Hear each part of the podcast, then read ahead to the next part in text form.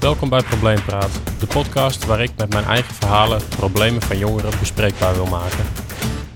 Ja, welkom bij de derde aflevering van Probleempraat. Um, vandaag ga ik het hebben over een uh, interessant onderwerp. Um, ik wil het hebben over onzekerheid. Ik denk dat het een beetje een ja, soort van stilzwijgend probleem op de achtergrond is. Um, het komt vaker voor dan je denkt. Uh, ook bij mensen waarvan je totaal niet verwacht, heb ik het idee. Um, het is wel een moeilijk onderwerp om over te praten. Dat heb ik zelf tijdens de voorbereiding uh, van deze aflevering heel erg gemerkt. Ik heb een, uh, heel vaak vastgelopen in ja, wat ik wilde zeggen, maar ook gewoon wat ik voel en hoe ik het ervaar. Uh, daarom is het denk ik wel extra belangrijk om ook gewoon over dit onderwerp te praten en eens te kijken um, ja, wat ik en wat jullie er misschien uh, mee kunnen. Ik heb over dit onderwerp wat vragen gesteld aan jullie op Instagram voor degenen die mij daar uh, volgen. Um, 93% van degenen die antwoorden gaf aan wel eens last te hebben van onzekerheid. Dat is gewoon hartstikke veel natuurlijk. Uh, daar zag ik ook een aantal bekenden van mij tussen staan waarvan ik dat niet had verwacht. Dus dat, is, uh, nou ja, dat zegt wel iets over uh, hoe breed dit probleem eigenlijk is. Um, de redenen waarover jullie onzeker zijn, de meeste gaven aan dat het was um, de twijfel of je dingen wel goed doet. en verder ook wat anderen van je vinden. Um, het toekomstbeeld is iets wat veel onzekerheid oproept. En ook wat jullie van jezelf vinden. Um, jullie gaven ook aan daar in principe bovengemiddeld veel last bij te ervaren. Um, zelf herken ik me uh, wel in die punten, dus dat, uh, dat vind ik wel een interessante uitkomst. Um, ik vind mezelf heel erg onzeker, als ik er gewoon heel eerlijk over ben. ja, ik vind dat moeilijk om toe te geven. Maar uh, in het kader van dit project en wat ik met Probleempraat wil bereiken, vind ik het wel belangrijk om dat gewoon eerlijk te zeggen. Um, ik ben eigenlijk onzeker over alle punten die ik op Instagram ook in die vragen heb genoemd. Um, voor mij het grootste punt is uh, wat anderen en ook ikzelf van mij vinden.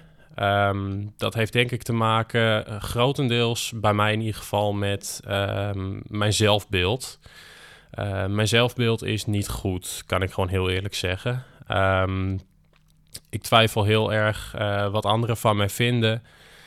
En daar stel ik me ook constant vragen over. Uh, ben ik wel leuk om mee om te gaan? Ben ik interessant genoeg? Uh, wat vinden anderen van de manier waarop ik dingen breng? Kom ik goed over?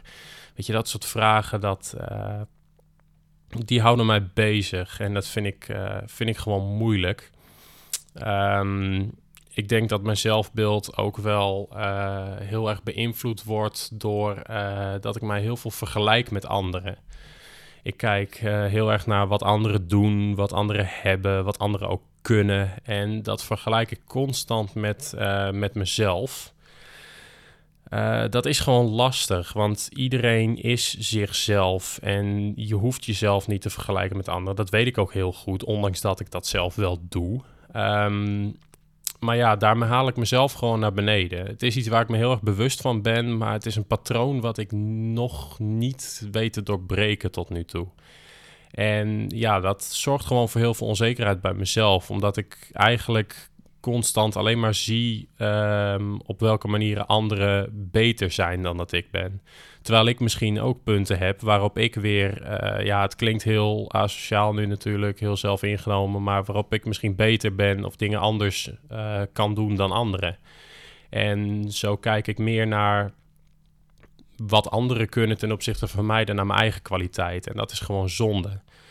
Social media hebben hier natuurlijk ook uh, zeker een rol in bij zelfbeelden en ideaalbeelden. Alles lijkt op social media veel mooier dan het is. Er is wel wat aandacht voor tegenwoordig, dat, dat daar wat meer eerlijkheid over is, maar het, draagt er zeker niet aan bij. Ik uh, ben ook heel onzeker over of ik dingen wel goed doe. Ook hier zit weer het vergelijkingsdingetje mee, maar ik ben constant met alles wat ik doe. Ja, ik ben bezig met kan het beter? Kan het anders? Uh, wat had ik beter kunnen doen? Ik ben heel snel ontevreden over de dingen die ik maak en doe. Um, ja, dat zorgt gewoon ook weer voor die onzekerheid bij mezelf over mijn eigen kunnen, me doen en laten.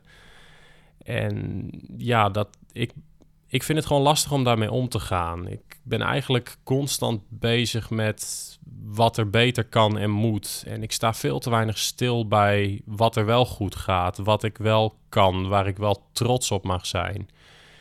Ehm, ja, ook weer, hier komt dat zelfbeeld toch ook weer in terug. Maar ik, ik vind het gewoon lastig om tevreden te zijn met mezelf uh, en de dingen die ik doe. Um, het andere puntje wat er ook op Instagram voorbij kwam was uh, toekomstbeeld. Uh, dat is voor mij ook een heel erg groot punt van onzekerheid. Um, mijn studiekeuze is daar bijvoorbeeld een hele belangrijke in. Ik heb hier, uh, voordat ik met communicatie begon, wat ik nu doe, een andere studie gevolgd. Nou, daar zat ik niet op mijn plek. De hele logische en goede keuze gemaakt om te switchen toch heb ik nu af en toe nog steeds wel twijfel of ik goed gekozen heb. Ik denk dat dat iets is wat iedere student wel herkent, of bijna iedere student. Maar ja, het is wel iets waarmee jij een richting bepaalt voor de rest van je leven.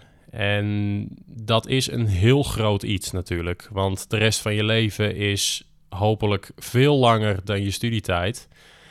En ja, om dan in een hele korte tijd een keuze te moeten maken die bepalend kan zijn voor de rest van je leven. Ehm, ja, dat is niet iets wat je zomaar, uh, wat ik in ieder geval zomaar zelfverzekerd heb kunnen doen. En ik heb nu af en toe nog wel eens twijfels. Dan zit ik wel op mijn plek. Vind ik dit leuk om de rest van mijn leven te doen? Maar als ik ook buiten, studie, buiten de studie omkijk, uh, ik heb nog geen flauw idee wat ik straks wil gaan doen. En ja, ik ben toch wel veel bezig met mijn toekomst. Ik heb een heel beeld in mijn hoofd hoe ik, uh, hoe ik straks mijn leven wil, uh, wil hebben. Maar ja, daar hoort bij dat ik dingen ga doen die ik leuk vind. Um, en ik weet nog niet wat ik leuk vind. En ik ben straks over, uh, over een jaar, ruim een jaar, ben ik klaar met mijn studie. Ja, dan begint het echte leven, zo zal ik het maar even noemen. Maar wat wil ik daarvoor invulling aan geven? En het liefst doe ik dat nu al. Gewoon om die onzekerheid van wat staat er op me te wachten, om die uh, te kunnen elimineren. Maar dat kan simpelweg niet. Um, ook studieschuld is hier een belangrijk punt in. Want ik ben gewoon met de studieschuld die ik heb, ben ik waarschijnlijk de volle 15 jaar bezig met aflossen. Nou, dat is natuurlijk zeer bepalend. Financieel ben je daar constant afhankelijk van. Een huis kopen gaat hem al die jaren niet worden. En dat, zijn, dat is bijvoorbeeld ook iets wat ik wel in mijn toekomstbeeld voor me zag. Dat ik gewoon een huis wilde kopen op een mooie plek uh, voor mijn eigen toekomst. Ja, dat zijn allemaal dingen ook omdat er natuurlijk steeds andere dingen gezegd worden over de invloed van je studieschuld op een hypotheek en het aflossen en rente en hoe dat allemaal zit. Er worden steeds andere dingen over gezegd. Dus ook daar zit geen zekerheid in. En ja, dat, dat heeft op mij ook wel grote invloed. Um, de coronacrisis, die nu heel relevant is, uh, zorgt bij jongeren ook wel voor veel onzekerheid over de toekomst. Uh, en ook op dit moment. Zo zijn bijvoorbeeld in de horeca uh, honderden bijbaantjes verdwenen. Ja, al die studenten die hebben nu een stuk minder inkomsten, moeite om financieel rond te komen. En nou ja, de horeca start nu weer wat op, maar ja, je moet me afvragen hoeveel banen er weer terug gaan komen. Want degenen die wel zijn gebleven, die krijgen nu eerst in de opstarttijd, die hebben nu werk. Alleen voordat er weer banen vrijkomen, denk ik dat het nog wel even duurt. Ook stageplekken zijn gewoon lastiger te vinden nu. Bedrijven die uh, hebben allemaal moeten besparen en er is minder werk. Dus ze kunnen het wel met hun huidige personeel af. Um, dat leidt soms dus tot studievertraging. Uh, de crisis kan daar sowieso toe, toe leiden. Uh, de studieschuld blijft daarmee stijgen. Dat zorgt weer voor die financiële onzekerheid. Uh, voor na de studie, waar ik het net ook al over had. En daarnaast, de arbeidsmarkt is gewoon kleiner geworden. veel banen zijn verloren gegaan. Um, na school een baan vinden is een stuk minder zeker dan het voor de crisis was. En ja, als jij geen baan kan vinden als jij je diploma hebt, ja, wat moet je dan? raak je compleet werkloos? Moet je in de supermarkt blijven werken, wat je daar naast je studie deed? Ehm, weer allemaal onzekere dingen die in je hoofd kunnen blijven malen. Wat bij mij in ieder geval wel het geval is. Ehm, een belangrijk ding, ik denk wel dat het een heel moeilijk onderwerp is om over te praten. Ik schaam mij er zelf bijvoorbeeld heel erg voor. Um, het is iets wat ik laatst, uh, laatst met iemand had ik het er wel over. En toen zei ik van ik hoop heel erg dat de meeste mensen gewoon niet weten hoe onzeker ik eigenlijk ben. Uh, ik wil mezelf graag groot houden. Ik wil niet onzeker overkomen. Ik wil er niet aan toegeven. Uh, voor mij persoonlijk, en ja, dit klinkt misschien heel raar, ik vind het heel zwak om onzeker te zijn. Om zelf onzeker te zijn.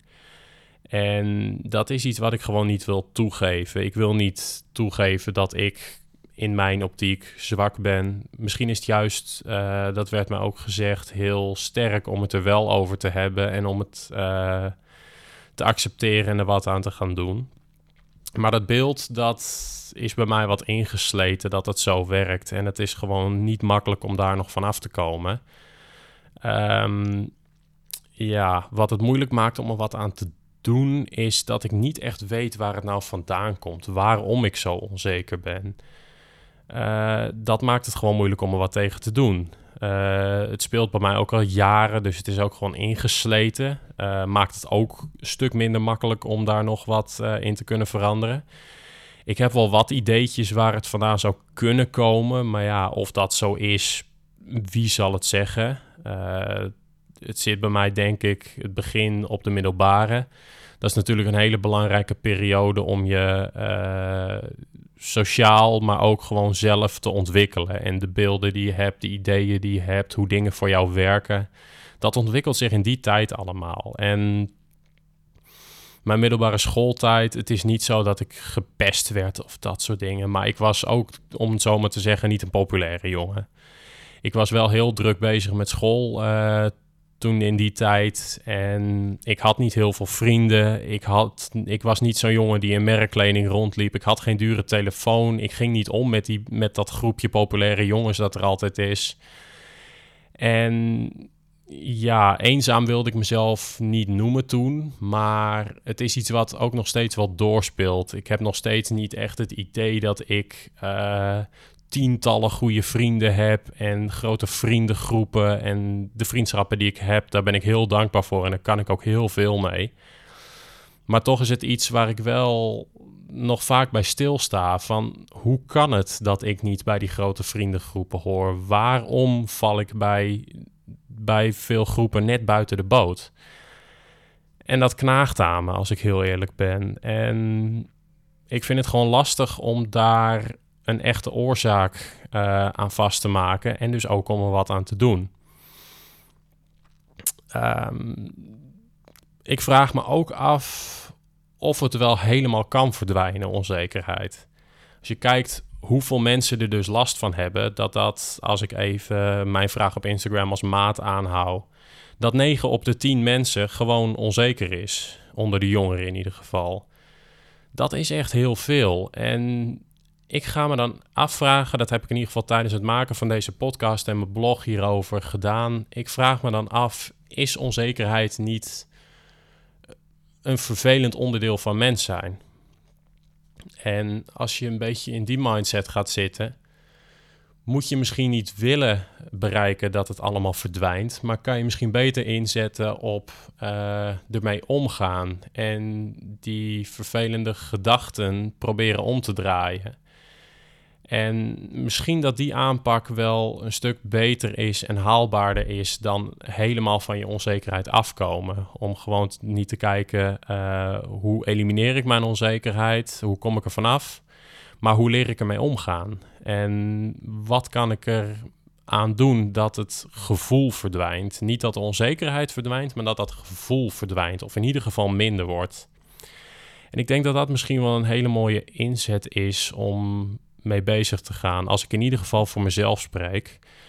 Wat ik ook merk, en dat heb ik in deze week in de voorbereiding, omdat ik het dus wel echt heel confronterend vond en het er moeilijk mee had. Um, praten erover, dat helpt uiteindelijk wel. Het is heel moeilijk en heel confronterend om echt over die problemen te praten, om er open over te zijn. Maar ik heb het idee dat het uiteindelijk wel dingen beter maakt, misschien wat makkelijker maakt. En ik denk dat ik het misschien wat meer aan het accepteren ben door er ook over te praten met mensen die ik ermee vertrouw. En wat ik zeg, heel veel mensen hebben het. Ik moet me ook realiseren dat ik niet de enige ben. En dat gaf iemand op Instagram ook als tip om ermee om te gaan. Uh, je bent niet de enige, dus uh, praat er ook met anderen over. En dan heb je ook wat herkenning bij elkaar. En kan je misschien samen eens gaan hebben over van... oké, hoe kunnen we er eigenlijk mee omgaan? Hoe kan ik dealen met mijn onzekerheid? Want het moet niet je leven gaan beïnvloeden, uiteindelijk. Um, ja, dat was een beetje mijn verhaal rondom mijn onzekerheid. Uh, hij staat nog wat uitgebreider in mijn blog. Die staat op, word, uh, op probleempraat.wordpress.com. Ik hoop dat jullie hier op een of andere manier toch iets aan gehad hebben. En ja, ben je onzeker over dingen? Uh, praat erover. Zoek iemand die je ermee vertrouwt en deel je verhaal. probeer een manier te vinden om toch met die onzekerheid om te gaan, om het te proberen om te buigen. Um, dan wil ik jullie bedanken voor het luisteren en uh, tot de volgende keer. Lees ook de blog op probleempraat.wordpress.com en volg Probleempraat op Instagram via Probleempraat.